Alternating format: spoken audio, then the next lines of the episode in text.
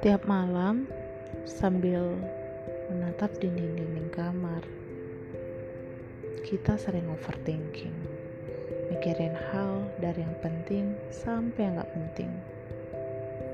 Kadang mikir, kok hidup gue gini-gini aja ya, sedangkan teman-teman lain hidupnya enak-enak aja.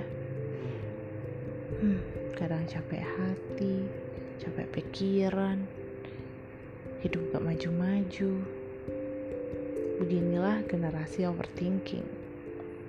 Tenang, kamu bukan sendiri. Kita semua juga sering melakukan hal itu. Yuk, di sini kita cerita bareng. Kita tahu kalau overthinking itu bisa kita sharing sama-sama.